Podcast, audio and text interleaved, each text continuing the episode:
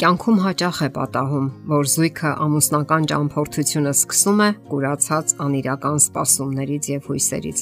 Նրանք մտածում են, որ իրենց հարաբերությունները ամբողջ ընթացքում պետք է պահպանեն ռոմանտիկ սիրով ողջ ջերմությունը։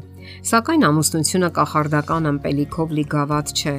որը խմելուն պես իրականություն են դառնում ձեր բոլոր ցանկությունները այն է սեր, անվտանգություն, ապահովություն, մտավոր սատարում, ֆինանսական ապահովություն եւ այն էլ անմիջապես։ Ասենք որ այդպես չի լինում։ Հրաշքներ չկան։ Հրաշքների փոխարեն զույգին առաջարկվում է համառ ու երկարատև ջանքեր։ Հաջողությունը գալիս է, երբ երկու անznավորություն միավորում են իրենց ջանքերը եւ քայլ առ քայլ գնում դեպի նպատակ։ Իսկ ինչպես կառուցել հաջողակ ամուսնական ամրոց։ Ասենք որ ժամանակակից հասարակությունը ինքը չի տալիս այդ հարցի պատասխանը, որովհետև զբաղված է այլ հիմնախնդիրներով պատերազմներ, տնտեսական ճգնաժամեր, սոցիալական բախումներ, քաղաքական շիկացումներ եւ այլն եւ այլն։ Նա ճունի կայուն այնպիսի հաստատուն արժեքներ, որոնք կարող են առաջնորդել ամուսնական նավը առանց ցնցումների եւ խութերի։ Մեր օրյա հասարակությունը լի է հակասական իրարամերժ գաղափարներով ու արժեքներով, սակայն իրավիճակը բոլորովին էլ անհուսալի չէ։ Նամակ Ֆիլիպին իր գրքում Շելդը պատմում է երկու գետերի մասին, որոնք խաղաղ եւ հանգիստ ընթանում են իրենց ունով այնքան ժամանակ, մինչև որ միավորվում են։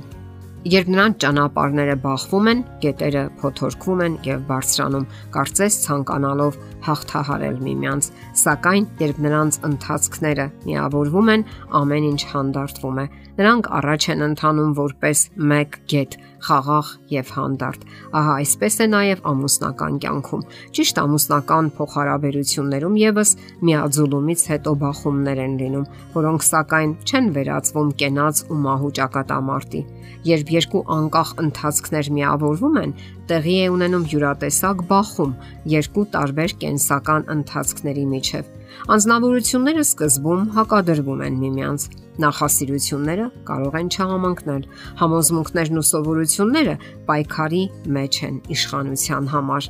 Երբեմն թվում է, թե սերը անհետ կորել է, սակայն դա այդպես չէ։ Տեղի է ունենում այն, ինչ տեղի ունեցավ երկու գետերի դեպքում։ Իսկ այն, ինչ ստացվում է բախման պայքարի արդյունքում, անհամեմատ ավելի խոր, ուժեղ եւ գեղեցիկ է լինում, քան միայնակ կյանքի դեպքում էր։ Որոշ հոգեբաններ այն տեսակետն են հայտնում, որ ամուսնությունը որոշակիորեն պայմանագիր է եւ որոշ մարդիկ չափազանց արագ են այն կնքում։ Սակայն այդպես է արդյոք իրականում։ Յուրաքանչյուր պայմանագրում անպայման գոյություն ունեն որոշակի պայմաններ կամ կետեր, կա եթե կետը։ Եվ եթե որևէ կողմը խախտում է այդ պայմանը կամ պայմանները, պայմանագիրը խզվում է։ Սակայն ամուսնական ծիսակատարության ժամանակ ոչ մի խոսք չկա որևէ պայմանի մասին։ Ոչ մեկը չի արտասանում։ Եթե ամուսինը սիրի իր կնոջը, նա պետք է շարունակի հետևել պայմանագրին։ Կամ եթե կինը հնազանդ լինի, ապա ամուսինը պետք է կատարի իր պարտականությունները։ Ամուսնությունը որևէ պայման չընդունող պարտավորություն է պատասխանատվություն, որ ընդունում են երկու անznավորություն։ Ամուսնության վերաբերյալ աստվածաշնչյան տեսակետը այսպիսին է. 1 մարմին։ Մեկ այլ մասնագետ Ջուլիուս Ֆրիցը ամուսնությունը համեմատում է իրար խառնված կավի երկու կտորի հետ։ Երբ իրար են խառնվում մուգ կանաչ եւ բաց կանաչ կավի կտորները, նրանք առաջին հայացքից մի գույն են հիշեցնում, սակայն ավելի ուրشادիր դիտելու դեպքում արդեն երևում են նրբերանգները։ Այդպես է եւ ամուսնական կյանքում։ Երկու անznավորություն միավորվում եւ դառնում են մեկ մարմին, սակայն նրանցից յուրաքանչյուրը պահպանում է իր անհատականությունը եւ անձնական որակները։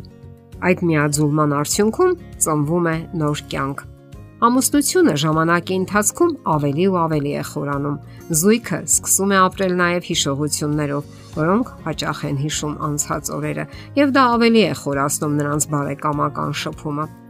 Այդ հարաբերությունների նրբերանգներն ու գեղեցկությունը հրաշալի կերպով նկարագրել է նշանավոր գրող Էրիխ Մարիա Ռեմարկը Սիրիր մերձավորիտ գրքում։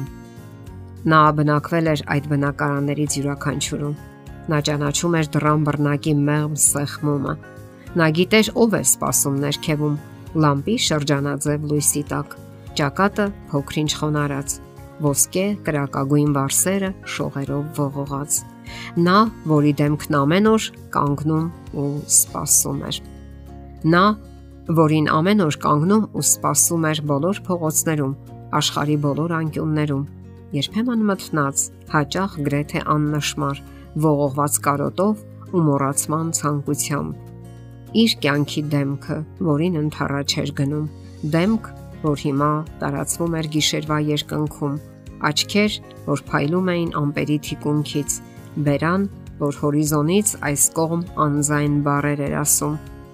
Թևեր, որ արդեն զգում էր քամու մեջ ծառերի սոսափյունը,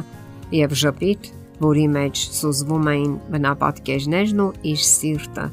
անսահման զգացմունքի գրոհում։ Հարկավոր է հիշել, որ մշտական քննադատությունը թույլատնում է զգացմունքների ուժը։ Չարությունն ու անտարբերությունը նույնպես նշանակում է հարաբերությունների մահ եւ ընդհակառակը բարությունը, սրտացավությունը, քնքշությունը, ուշադրությունը անհավատալիորեն ուժեղացնում են կապվածությունը միմյանց հանդեպ եւ տարիների հետ ավելի ու ավելի է ուժեղանում այն։ Դե ինչ հուսով եմ կշարունակեք խորհել այն մասին, թե ինչպես ամրապնդել հարաբերությունները եւ ամրացնել ամուսնական պայմանագիրը, ինչպես հասնել հաջողության եւ երջանկության։ Իսկ դա հնարավոր է, եթե ձգտում եք։ Եթերում ընտանիք հաղորդաշարներ։ Հարցերի եւ առաջարկությունների համար զանգահարել 033 87 87 87 հեռախոսահամարով։